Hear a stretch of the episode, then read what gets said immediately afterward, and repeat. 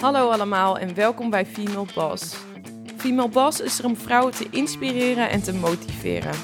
Van innovatieve studenten tot succesvolle social influencers en van visionairs en leiders tot goeroes uit het bedrijfsleven. Sterke vrouwen die op hun manier het verschil maken, worden in deze show in de spotlight gezet. Ik ben echt heel goed in het verbinden van verschillende collega's, wat waardevol is voor de samenwerking tussen onze teams. Of ik heb mij de afgelopen jaren flink ontwikkeld en ik vind dat ik toe ben aan een volgende stap in ons bedrijf. Dit zijn volkomen normale zinnen om te horen, maar het uitspreken van je kwaliteiten of het onderhandelen naar een beter salaris of een hogere functie zullen ons de stuipen op het lijf jagen wanneer we deze moeten uitspreken naar onze baas. Uit onderzoek blijkt dan ook dat vrouwen over het algemeen minder goed zijn in onderhandelen. Maar hoe komt dit nou en wat kunnen we hieraan doen?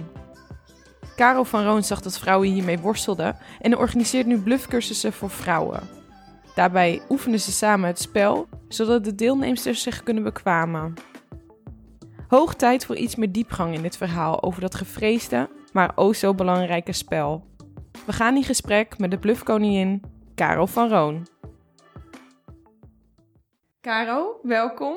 Fijn uh, dat we hier samen zitten. We hebben eerder afgesproken en toen heb je me eigenlijk doorverwezen naar een hele inspirerende vrouw. En die ik heb mogen ontmoeten. Dat is Marijke Heijn. Heel leuk gesprek mee gehad. Dus erg blij mee dat, jullie, dat uh, jij ons uh, hebt verbonden. En, uh, maar je gaf ook aan dat je ook met mij wilde praten. Dus daar was ik heel erg blij mee. En daarom mijn eerste vraag aan jou. Wie was jouw rolmodel toen je vroeger klein was? Dat is voor jou een makkelijke vraag voor mij echt een lastige. Uh, ik heb heel lang mijn moeder als uh, rolmodel gehad. Eigenlijk tot ik ging studeren. En toen veranderde de wereld. Ja. Want? Maar hoe veranderde die? Uh, nou, ik vond altijd uh, dat ze het wel goed deed, zeg maar. En ehm, uh, ik wilde ook op mijn twintigste vier kinderen en uh, zo. Alleen toen ik op mijn negentiende ging studeren, toen kreeg ik een heel ander perspectief op wat ik wilde en wat ik belangrijk vond. En, uh, en wat werd dat perspectief? Dat perspectief werd dat ik carrière wilde maken. Niet zo hoog mogelijk in de boom, maar wel dat ik mijn vak heel erg interessant vond en daar mee bezig wilde zijn. Uh, en uh, kinderen bijvoorbeeld kwam heel erg op de achtergrond. Daar was ik helemaal niet meer mee bezig. Grappig. En dat, dat kwam dus toen je ging studeren? Ja, ja, in de loop van die paar jaar. Ja, en waardoor kwam dat dat het veranderde? Nou, als, ik ben een ge, uh, gedragswetenschap gaan studeren, andragologie. En ik heb gekozen voor een specialisatie leren van volwassenen. Ik vond hoe volwassenen leren ongelooflijk interessant. En uh, ik was zelf natuurlijk aan het volwassen worden toen. En ik ging ook uh, anders naar mijn eigen opvoeding kijken. En de waarde daarin. En mijn, mijn waarde veranderde en mijn idee van wat ik zelf wilde. En ik was een. Het, was 1980 toen. En uh, ik was zo iemand met een, uh, een tuinbroek en kortgeschoren henna haar. en uh, ik ging naar het vrouwencafé. En om meer vrouwencafés hier in Amsterdam te realiseren, gingen we uh, huizen kraken. Zo. En dat was nogal anders dan het leven van mijn moeder. Ja. Uh, want ik vond dat er echt heel veel moest veranderen in de verhouding tussen mannen en vrouwen. En daar heb ik ook heel erg uh, me mee bezig gehouden, zeg maar. Nou, ik vond sowieso dat er maatschappelijk heel veel moest veranderen. Ja. Maar zeker in de verhouding tussen mannen en vrouwen. En ik wilde ook heel graag werken. Ik wilde heel graag uh, in mijn vak bezig zijn. Te gek. En dat werd het belangrijkste. En dat, dat veranderde, dat beeldje was al vrij jong dus daarmee bezig. Ook met de man-vrouw verhouding. Was er iets dat, er, dat jou triggerde in die tijd? Was er iets waar, jou, waar jij dus... Nou ja, waar, waar het door bij jou ging borrelen van binnen? Van, dit klopt niet? Nou, het was de tweede, tweede feministische golf. Dus er was heel veel over aan de hand. Caro bevindt zich in de tweede feministische golf. Daar waar bij de eerste golf werd gestreden voor het recht van vrouwen op deelname in het hoger onderwijs en kiesrecht, ging het bij de tweede om betaald werk en deelname aan het maatschappelijke leven. In 1949 verscheen het boek De Tweede Sekse van Simone de Beauvoir, waarin zij pleit voor de economische onafhankelijkheid van de vrouw. De gehuwde vrouw was volledig afhankelijk van de man en leefde volledig in een morele en psychische afhankelijkheid van de man. Dat was volgens haar onacceptabel. Toen Joke Smit in 1967 het artikel Het onbehagen bij de vrouw over het boek van Beauvoir schreef, ontstond de vrouwenbeweging in Nederland. Smit beschreef daarin haar onvrede over de maatschappelijke positie van vrouwen. Ik kan alleen maar hopen dat sommige vrouwen mijn onbehagen delen en dat een grotere groep het op den duur zal gaan delen. Naar aanleiding van de vele instemmende reacties op het artikel richtte Smit met Hedy Dancona en anderen in 1968 het platform Man-Vrouw Maatschappij op. Smit was overtuigd van het nut van beleidsbeïnvloeding en vond dat vrouwen een actieve rol moesten gaan spelen in maatschappelijke instituties. En er was sowieso een heel groot verschil op de arbeidsmarkt tussen mannen en vrouwen en kansen tussen mannen en vrouwen. Het was crisis, een hele andere crisis dan we kort geleden hebben gehad. En heel veel mensen waren werkloos. En voor vrouwen. En was, dat was ook de tijd dat uh, zeg maar een eerste scheidingsgolf was. En heel veel vrouwen belanden toen in de bijstand. En hadden het ontzettend arm. Uh, uh, ook vanuit mijn studie ben ik daar toen mee bezig geweest met bijstandsvrouwen en prostitu prostituees en het leven van vrouwen die, ja, die eigenlijk bijna aan de zelfkant zitten verslaafde vrouwen. Ehm, en dat was gewoon aan de hand. Dus dat is niet iets wat ik heb geïnitieerd of zo, maar nee. dat was een golf die, uh, waarin ik op mee uh, bewoog, zeg maar. En die mij aansprak en ja, waar ik door geraakt was. Dus ik, ja. ik wilde in mijn eigen leven ook dingen doen en laten die voortkwamen uit de, uh, de, de de behoefte aan verandering toen. Ik, ja. was, ik, wil, ik had ook behoefte aan dingen anders. Ja, en dat uitte zich dus onder andere in kraken, vrouwencafés, te gek. Ja. hey, en um, wat heeft dat jou destijds opgeleverd? Dat die periode in je leven, of is dat helemaal geen periode geweest? Zit je nog steeds in die golf? Eh, nee, ik zit nu op een andere golf. Maar toen heeft het me opgeleverd dat ik in ieder geval uh, heel bewust in mijn vak heb geïnvesteerd. En in mijn studie. En, uh, en dat, je dus toen een andere keuze hebt gemaakt qua levensstijl. Dat je niet snel aan kinderen bent begonnen, maar dat ja. nee, naar de achtergrond verschoof, zeg maar. Zeker, ja. ja. ja, ja. Wat het verder heeft opgeleverd is denk ik voor mijn eigen leven dat ik me ook echt anders heb opgesteld naar mijn partner. Ik had wel al jong een vriend en ik ben uh, met hem getrouwd op een gegeven moment. Uh, toen ik eind 30 was en daarvoor hadden we al kinderen gekregen. Maar ik heb bijvoorbeeld toen wij kinderen kregen als voorwaarde gesteld dat ik alleen kinderen wilde hebben met hem als hij deeltijd ging werken. Ja, dat klinkt voor vrouwen van nu echt heel raar volgens mij. Maar ik had zoiets van, ja, we gaan geen beloftes doen. Nee. Op basis van... Uh, Jij dacht, ik doe dit niet in mijn eentje. We nemen samen een kind. Alleen maar. Ja. want ik wil ook graag uh, in mijn vak bezig zijn... en mijn bijdrage leveren op die manier aan de maatschappij. En hoe reageerde jouw man daarop? Nou, die is deeltijd gaan werken. Oké. die vond het prima. En ja. hij heeft ouderschapsverlof genomen... omdat dat bij hem beter geregeld was dan bij mij. Oké. Uh, en hij heeft langere tijd minder gewerkt dan ik... Maar het was ook een tijd, ik had medestudenten die kinderen hadden, waarbij bijvoorbeeld na de geboorte de vader expliciet een half jaar ging moederen en de vrouw alleen maar borstvoeding gaf en verder zich afzijdig hield om te zorgen dat het kind zich meer hechtte aan de man. Wauw. Ja, die tijd was het, waarin best wel hard werd gespeeld, zeg maar. Ja. En heel duidelijk werd over werd gesproken, ook in relaties. Zeker, dus. ja, ja, werd zeker heel duidelijk over gesproken. Er waren heftige discussies over. En, uh, maar niet alleen natuurlijk met elkaar, maar ook met onze ouders.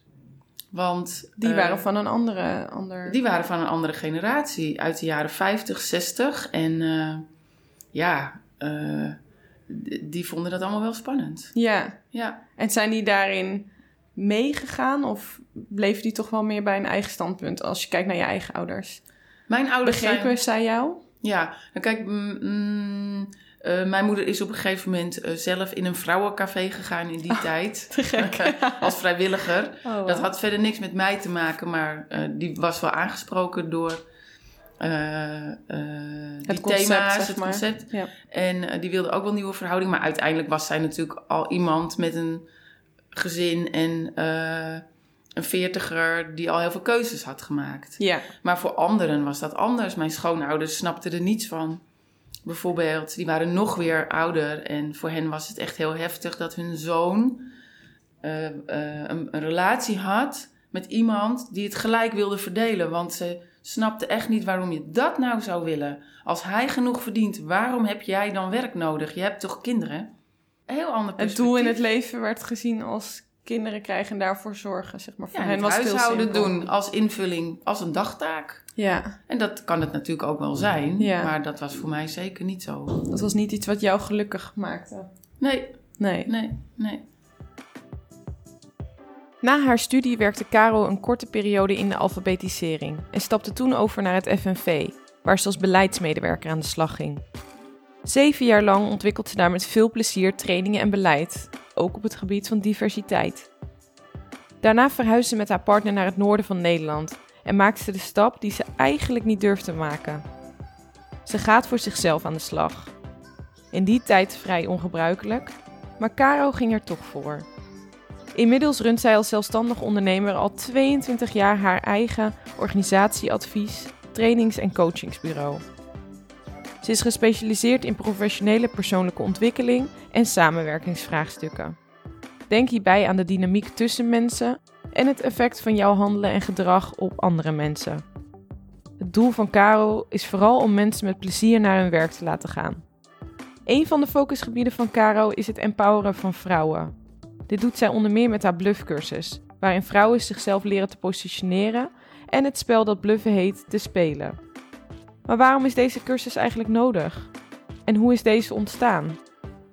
Ehm, ik was in 2016 al een tijdje aangehaakt bij een initiatief van FNV, dat is eh, FNV Professionals.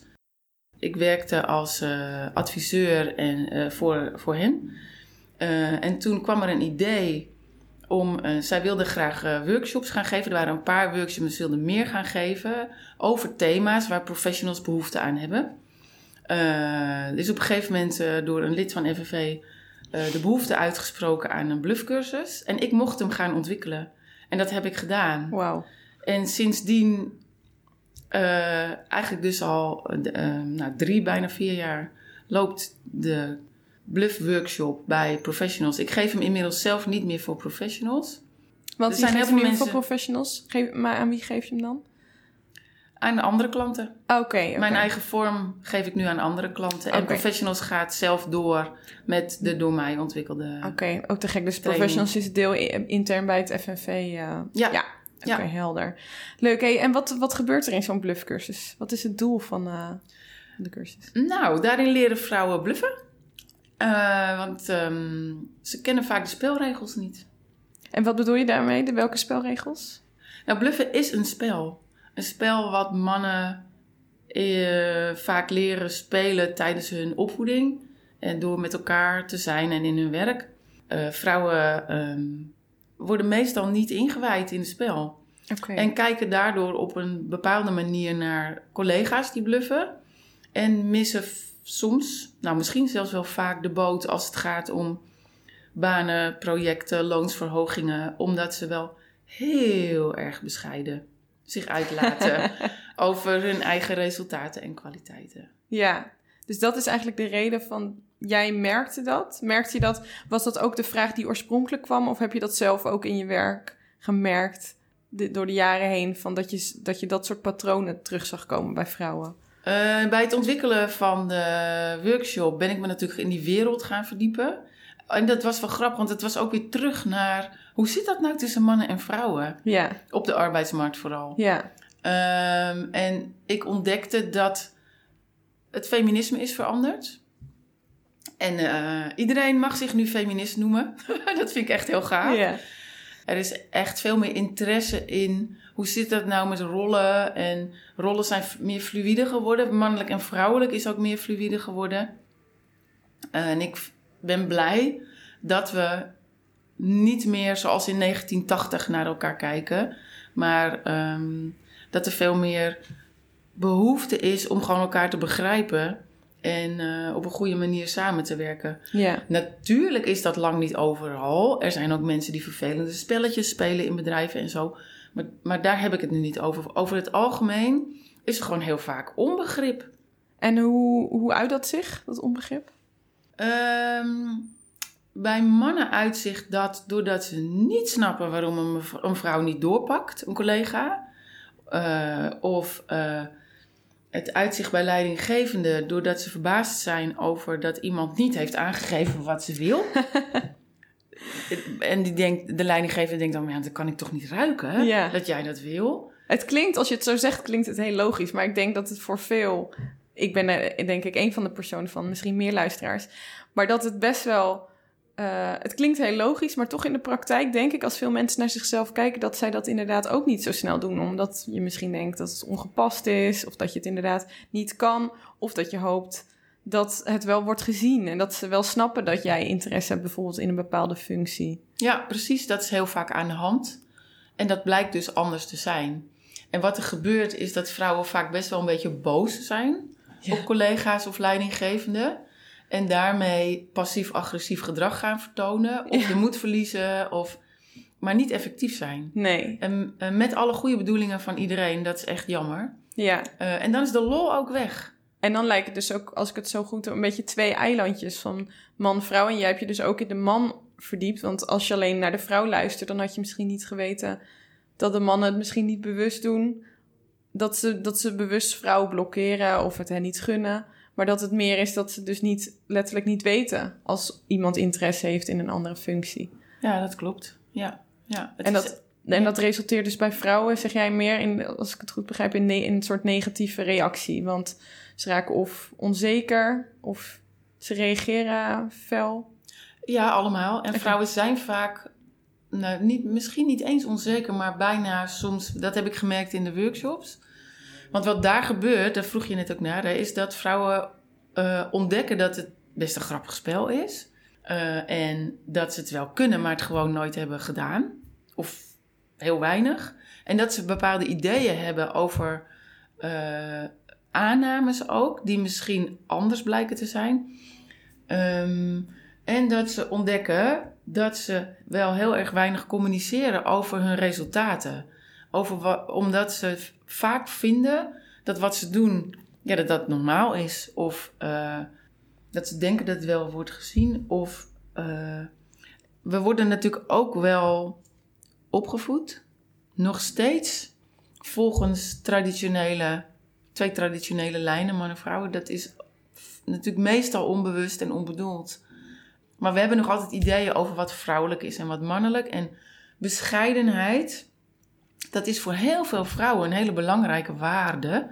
Waardoor ze ja, gewoon ook. eh, ze vinden het not done om zeg maar jezelf groot te maken. Ja, Terwijl aan het eind van zo'n workshop hebben ze ontdekt dat communiceren vanuit vertrouwen, vertrouwen dat je het kan, vertrouwen dat je dit best wel mag zeggen, vertrouwen dat je over je resultaten kunt communiceren en dat de ander dat graag wil horen, daar hoef je geen eh, reserves bij te nemen. en dat gaat, hangt dan eigenlijk een beetje om het vertrouwen in jezelf, denk ik. Heen. Ja. Want dat zijn allemaal punten die gericht zijn op, op de persoon zelf. Ja, je mag gewoon best gezien worden. En dat jij thuis eh, heel veel feestjes organiseert of de buurtbarbecue altijd en eh, dat je dat ontzettend goed kan. Dat is een kwaliteit. Als jij heel goed kunt coördineren en organiseren, kun je dat op je werk ook inzetten. Eh, maar het is wel belangrijk om daarover te vertellen. Om dat zelf ook te zien dat dat waardevol is. Om zelf te zien dat het waardevol is. Ja, want vaak hebben vrouwen helemaal niet nagedacht over wat hun kwaliteiten zijn. Als je daar wel over kunt hebben. ja. En je neemt ze ook zelf serieus. En je gunt het de ander om daar ook voor het bedrijf iets mee te doen. Of, en ook jezelf. Dan, eh, dan zijn er hele andere dingen mogelijk. ja. En iets anders is dat mannen graag met elkaar concurreren. Nou, mannen concurreren met elkaar. Die vinden het leuk om te sparren en eh, te kijken wie er kan winnen. En vrouwen doen dat over het algemeen niet zo. in het werk. Ze, ze zijn meestal, vrouwen stemmen met, op elkaar af. En die kijken naar wat, er, wat ze gemeenschappelijk hebben. En dat is natuurlijk helemaal prima. Alleen uh, daarmee onderscheid je je niet. En um, concurreren betekent ook dat je de confrontatie aangaat. Bijvoorbeeld met je leidinggevende over een loonsverhoging of een project of een scholing die je wil doen. En denken vrouwen dan meer aan het team en de man meer aan het individu? ja, dat klopt. In die zin, ja. Uh... ja. Oké. Ja, vrouwen spreken vaak in de wij-vorm. Voelen zich ook onderdeel van een team of onderdeel van. En worden daarmee voor de ander wat onzichtbaarder. Niet bedoeld, maar dat gebeurt wel. En um, wat versta je precies onder bluffen? Want bluffen klinkt een beetje alsof je nou ja, iets heel erg groot maakt wat je totaal niet bent. Maar volgens mij is het een beetje, ligt het iets genuanceerder in de cursus. Ja, je blijft gewoon jezelf. En bluffen is je mooie kant te laten zien. Dat doe je ook door je eyeliner op te doen en je haar leuk te doen en uh, je figuur goed te laten uitkomen. En dat kun je ook doen door wat je neerzet in je werk of wat je ambieert. Uh, goed, goed, te laten zien van zijn mooie kant. Um, en daarbij blijf je gewoon bij de realiteit. Bluffen is absoluut niet liegen. Nee. Nee. Zie je het dan meer als iets als uitlichten, je sterke kanten, ja, je, je competenties uitlichten? Ja, je zet een schijnwerper op wat je verder kan helpen om zo gezien te worden uh, dat je gezien wordt op een manier die jij graag wil. Wat ik altijd grappig vind is dat uh, tijdens de workshop vrouwen merken dat het veel leuker is om te luisteren naar elkaar als uh, je bluft. Oh ja? Ja. Als je, als je uh, vertelt wat je tot stand hebt gebracht, dat je een project binnen de tijd uh, hebt gerealiseerd. En uh, dat iedereen, uh, dat jullie taart zijn gaan halen, want het was echt super tof gedaan.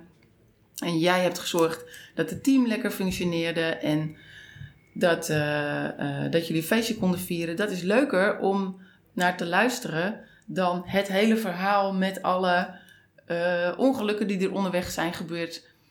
Ja. Dat, dat is niet smeuig. Nee. En het is ook het meest interessant voor iemand van wie jij iets wil, dat hij hoort over wat je goed hebt afgerond of uh, waar je in uitblinkt. Want dat is, dat is gewoon interessant. Ja, en dat is ook, want wat zijn de verschillende redenen waarvoor de vrouw bijvoorbeeld de bluffcursus ge, gebruikt of aangaven de reden dat ze daar ja, waren? Dat is wel divers. Er zijn vrouwen die hebben inmiddels een afstand tot de arbeidsmarkt omdat ze al langere tijd weer close zijn. En uh, die zijn op zoek naar manieren om zichzelf te profileren en om wel aan te kunnen haken en om zichzelf zichtbaar te maken. En dan gaat het over weer vertrouwen krijgen, zelfvertrouwen. Er zijn vrouwen die hebben bepaalde ambities en die zijn uh, benieuwd naar uh, wat ze in hun gereedschapskist kunnen doen. er zijn vrouwen die gewoon echt vinden dat ze een loonsverhoging verdienen. Bijvoorbeeld, er was uh, laatst nog een architecte uh, in een van mijn trainingen. En uh, die ontdekte dat zij gewoon minder verdiende dan haar mannelijke collega's voor hetzelfde werk. Wauw. Ja. Dat, dat is denk ik iets wat ook veel mensen in Nederland niet verwachten dat het nog gebeurt. En het gebeurt heel veel. En zij is gewoon die workshop gaan volgen als oefening. Heel goed. Om, als om voorbereiding te op hebben het als voorbereiding op het gesprek. Voor die loonsverhoging. Nou ja, er is niet heel lang geleden in het voorjaar is een CAO afgesloten, uh, waarbij gelijke betaling voor hetzelfde werk is afgesproken. Klopt. Ja, dat is Nederland 2019. Ja. Dus het is allemaal nog niet klaar. Nee, hoor. nee we, we denken dat we heel ver zijn, naar mijn idee. Als we kijken naar de rest van de wereld, hebben we meestal ook best wel veel Mhm. mm -hmm. commentaar als land zijnde. Mm -hmm. uh, terwijl we in de, denk ik in Nederland ook nog wel veel kunnen bereiken. Veel stappen kunnen maken. Ja, er is absoluut winst te behalen als het gaat over bijvoorbeeld gelijke beloning voor hetzelfde werk. Ja. En daarvoor is het ook nodig dat vrouwen aangeven dat ze dat willen. Dus er wordt ook wel echt iets van de vrouw zelf verwacht. Van we niet alleen uh, kijken naar de ander, maar vooral ook naar jezelf. Dus als ik jou hoor, inderdaad, is dat ook wat ze leren in de cursus. Dat ze vertrouwen moeten hebben in zichzelf, maar ook goed moeten weten wat hun sterke kanten dan zijn. Ze leren niet in de cursus vertrouwen te hebben, want uh, dat kan ik helemaal niet bieden. Wat, ze, wat ik ze leer zijn die spelregels. Uh, die kunnen ze dan toepassen, daar oefenen we ook mee. Eh, wat ik verder doe, is een aantal eigenlijk vragen stellen over henzelf. Die gaan over overtuigingen en over normen en over hoe je naar jezelf kijkt en over kwaliteiten. En dat kunnen ze dan mee naar huis nemen om daar hun huiswerk te doen.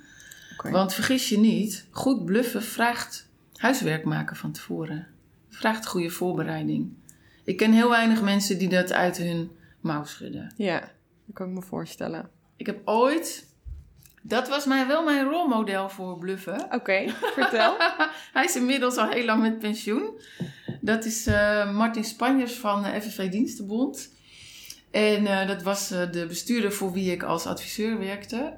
En die kon echt, als wij een idee bespraken op een middag, kon hij de volgende dag tijdens een toespraak daarover vertellen alsof het gewoon al kat in het was. alsof het, was allemaal was. geregeld. En we gaan dat doen. En we gaan dit en dit binnenhalen. En eh, nou, we gaan hier heel veel eh, leden mee binnenhalen. Of eh, successen in cao's.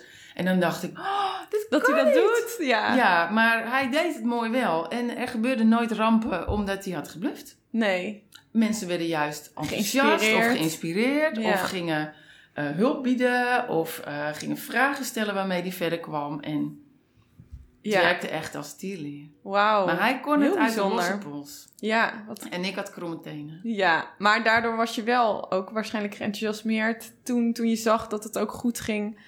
Ja, hij is daar wel, wel wat mijn in. rolmodel geweest. Ja. Ja, ja, Ja. ja. ja. ja wat. Ja, Ja, en- durven, lef hebben. Ja, durven. En, en net als bij het uitvinders. Eh, uitvinders vinden niet in één keer iets uit, maar je, je kan experimenteren. En van elke ervaring leer je weer en daar kom je echt verder mee. Ja. In het interview met NRC vertelde je... Laat zien wat je waard bent, dan ben je maar iets minder aardig. Wat bedoelde je daar precies mee? Ehm, mm, als je aardig gevonden wil worden en je bent in een onderhandeling, dan doe je meestal concessies aan de inhoud, aan wat jij binnen wil halen. Eh, de kunst bij onderhandelen is om te kijken hoe ver je kan gaan. En eh, met respect voor ieders behoeften en belangen. Dat vind ik belangrijk. Ik hou niet van het harde onderhandelen, maar wel een goed gesprek daarover. En eh, je mag best een stilte laten vallen, of je mag best aangeven dat echt jouw ondergrens is bereikt, of dat je, eh, dat je vindt dat je dit of dat verdient. En daar ook bij blijven. En dan zal de ander jou op dat moment iets minder aardig vinden. Maar ook dat hoort bij dat spel. Ja, dat En- is, moet dat op dat moment even ondergeschikt zijn... omdat jij daar ook zit voor je eigen belang. Ja, je zit daar voor belangen en niet om aardig gevonden te worden. Het is altijd goed om vriendelijk te blijven. Ja, Daar heb ik het niet over.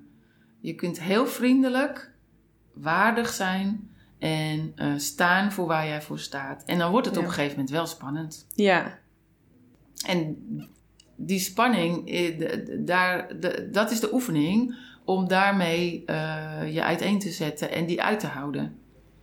Een ander heeft soms bedenktijd nodig of moet het even laten zakken. Of, eh, nou ja, je kent het allemaal van jezelf. En door jezelf serieus te nemen en uit te gaan van dat jij echt ervaart dat jij iets waard bent, wat een bepaalde, waar iets tegenover mag staan. Daarmee word je voor die ander ook duidelijk en wordt duidelijk waar jij eh, de uitkomst wil hebben. En is dit iets, want eh, dit is ook over hoe vrouwen het leren, wat jij aangeeft, waar moeten ze op letten. Is dit iets wat nog op korte termijn kan veranderen? Of voor mensen die nu luisteren, die denken: hé, hey, ik zou dat ook beter willen kunnen. Is dat iets wat je kunt veranderen? Want je gaf ook eerder aan, het komt door, deels door opvoeding, deels door het wereldbeeld, hè, de framing vanuit de wereld naar vrouwen, dat er ook verwacht wordt dat we aardig, eh, dat we aardig zijn. Eh, is dat iets wat zij makkelijk of snel kunnen veranderen? Nou ja, dat is wel de ervaring van vrouwen die hebben deelgenomen. En het, dat heeft te maken met dat als je kijkt naar bluffen als een spel, dan is het enige wat je hoeft te leren is het toepassen van de spelregels. Kijk, we- je kunt een, eh, jezelf totaal analyseren en eh, het heel, eh ingewikkeld complex maken, maken, heel complex. Maar als je daaruit kan blijven, natuurlijk kom je dingen van jezelf tegen. En zul je jezelf af en toe moed moeten inspreken, want er is absoluut moed voor nodig. Maar uh, de spelregels oefenen, lekker bluffen tegen je zwager die altijd zo hoog opgeeft over zijn eigen dingen, in plaats van luisteren naar je zwager Ja, op een verjaardag. precies. Weet je, dus zo- ook in hele informele setting al Ja. kunnen oefenen daarmee. Ja, zo ga je het gewoon oefenen en je, je, je leert er een vaardigheid bij die je gewoon nog niet hebt geoefend.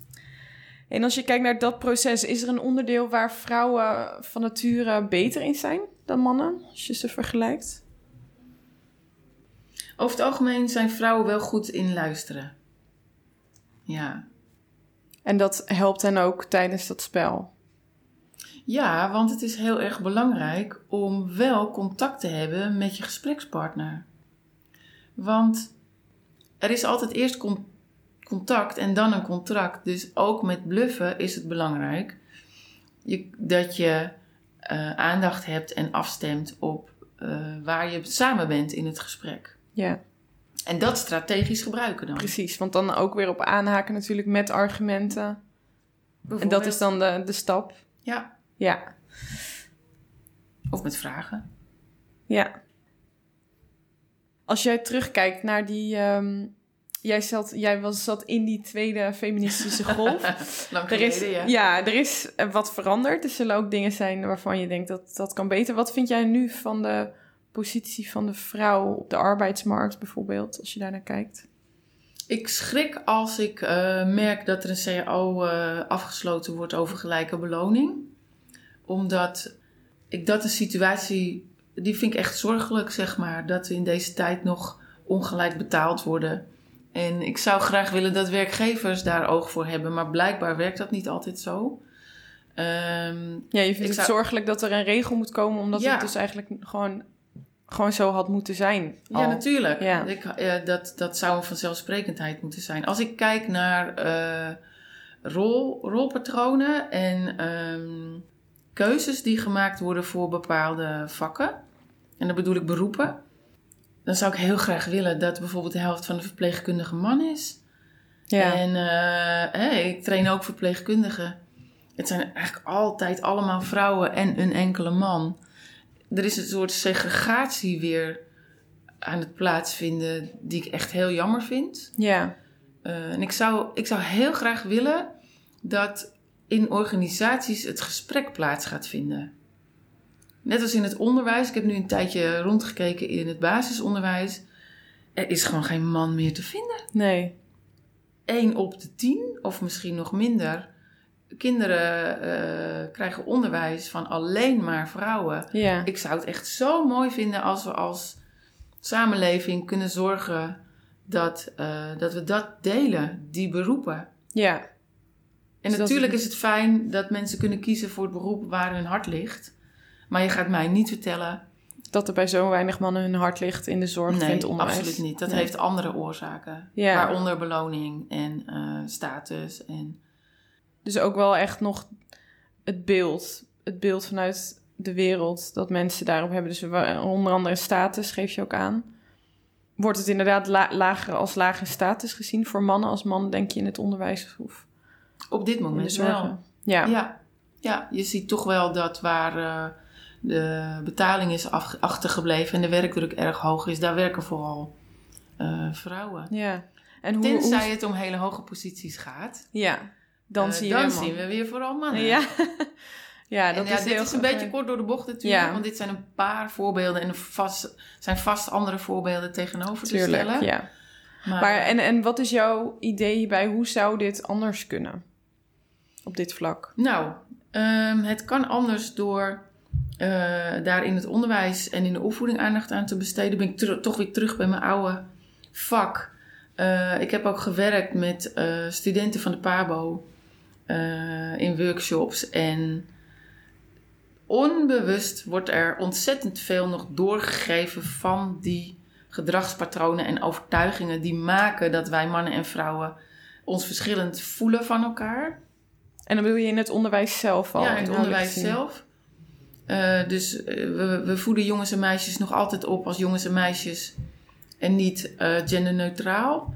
En natuurlijk is er ook een fysiek deel en een psychologisch deel waardoor we verschillen we, het zou mooi zijn als we de verschillen kunnen koesteren en gebruiken. En wel oog hebben voor waar we absoluut in oude, ja, gewoon oude patronen zitten als samenleving. Ja. Dat is jammer. En Maar geloof je erin dat, dat we eruit kunnen komen? Heb je daar hoop? als ik dat niet zou geloven, zou ik Niet daar niet in mijn werk mee bezig zijn. Nee. Eh, ik zou het wel heel mooi vinden als er een echt gesprek op het werk daarover kan plaatsvinden. Dat Ja. is er gewoon niet. En door wie moet dat geïnitieerd worden, vind jij? Mm, door organisaties, door managers. Ehm, ik heb in de loop van mijn bedrijfsbestaan, zeg maar, ontdekt dat. Want wat, we, wat ik meestal faciliteer zijn gesprekken tussen mensen, echte Ja. gesprekken. En als het echte gesprek kan plaatsvinden over waar het echt over moet gaan, over behoeftes en belangen, eh, dan heb je meer begrip voor elkaar en dan kun je ook anders gaan kiezen met z'n- allen. Ja.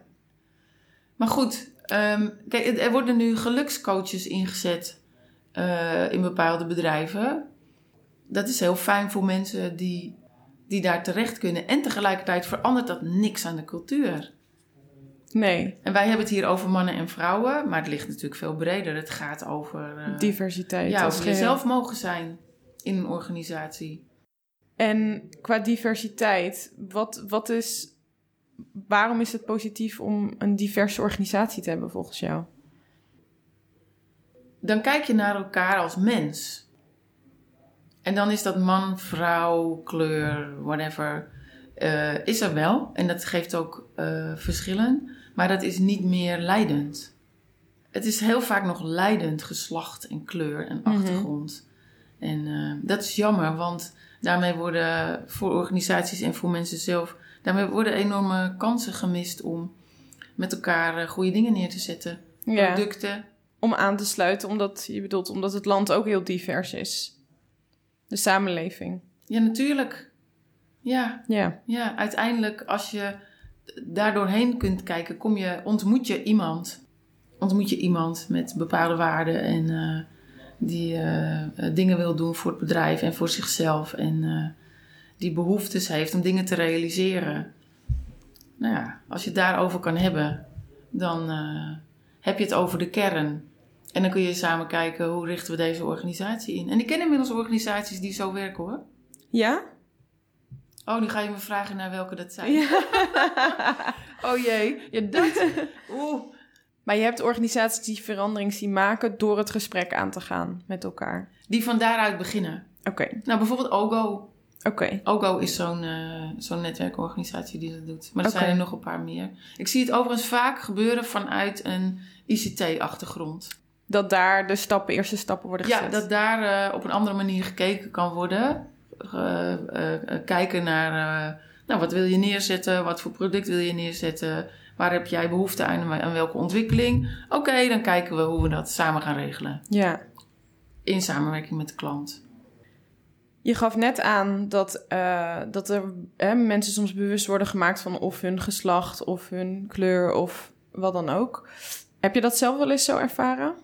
Dat jij je bewust werd gemaakt van het feit dat je vrouw bent tijdens je werk? Ja, natuurlijk. Ja. En wat was dat voor, eh voor? Ehm, ik merk, ik heb soms ervaren en daar ben ik ook wel in bevestigd, dat organis- organisaties het, of directeuren, directies of bestuurders het spannend vinden om met mij als vrouw in zee te gaan.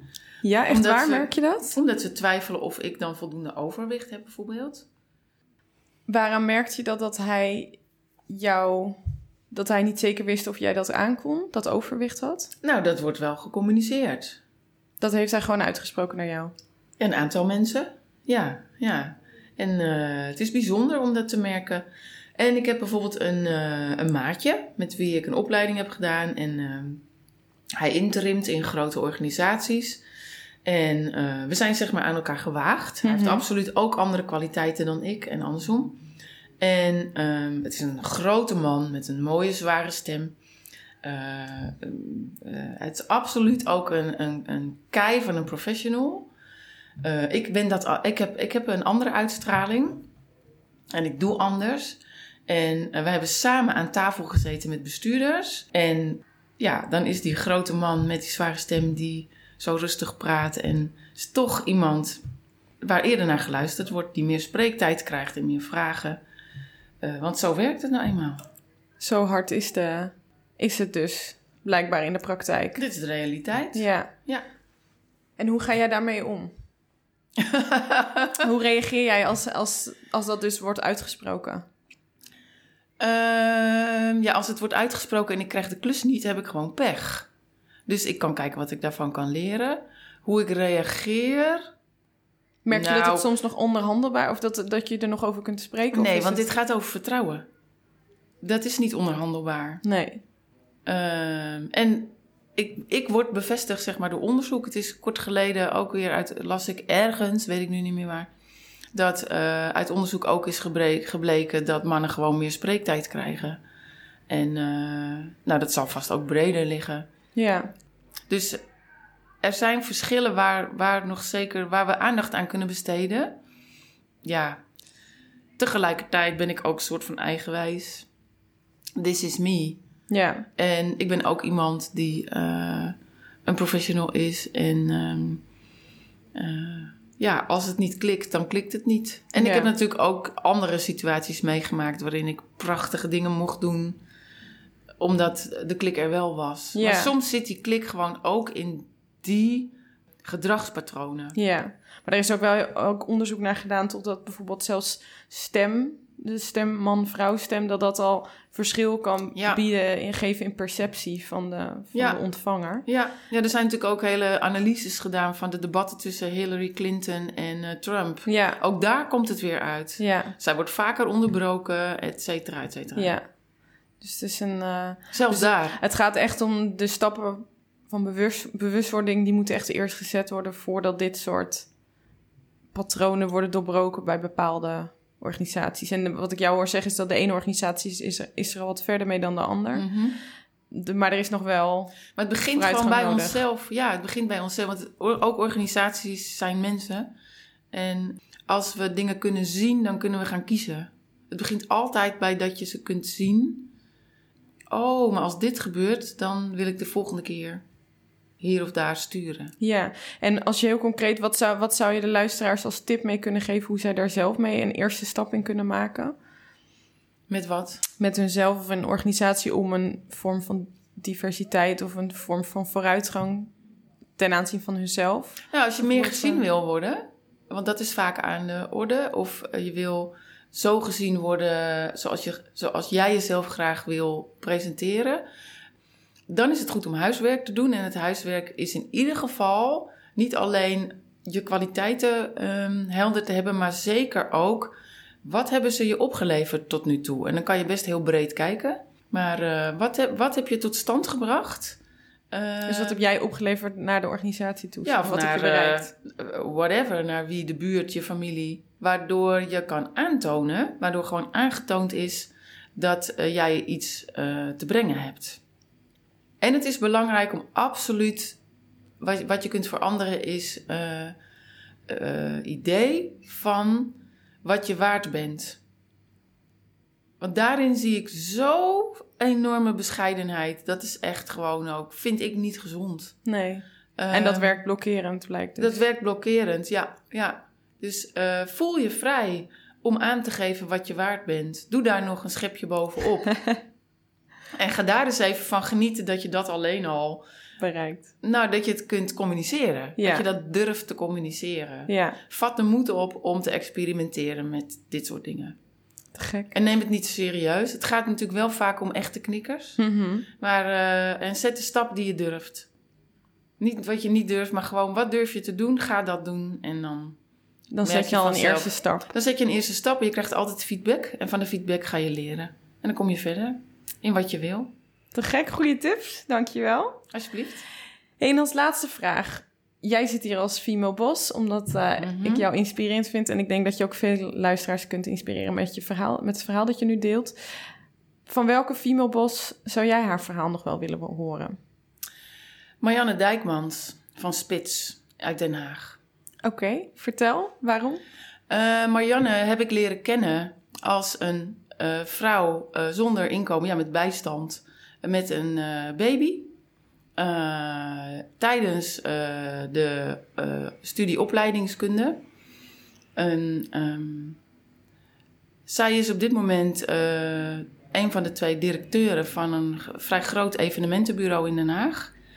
En ik vind, ik bewonder haar omdat zij echt met passie de dingen doet die zij belangrijk vindt en ze gaat voor een bepaalde kwaliteit. En uh, zij, zij heeft zich als vrouw echt op, vind ik, een hele integere manier wel neergezet in haar uh, tak van sport, in haar business. En daar moeten wij meer van horen.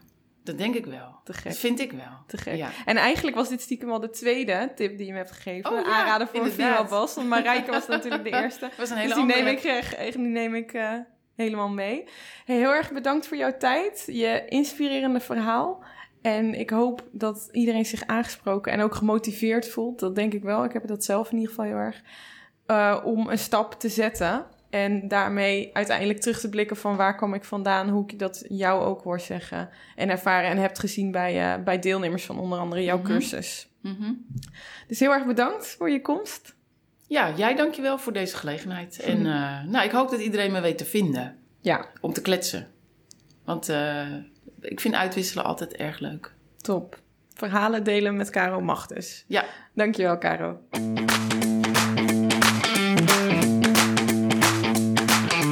Heb je genoten van deze podcast? Ik zou het te gek vinden als je een review achter zou willen laten en je je abonneert op deze show. Op die manier kunnen namelijk samen meer vrouwen inspireren, motiveren en waarderen. Tot snel!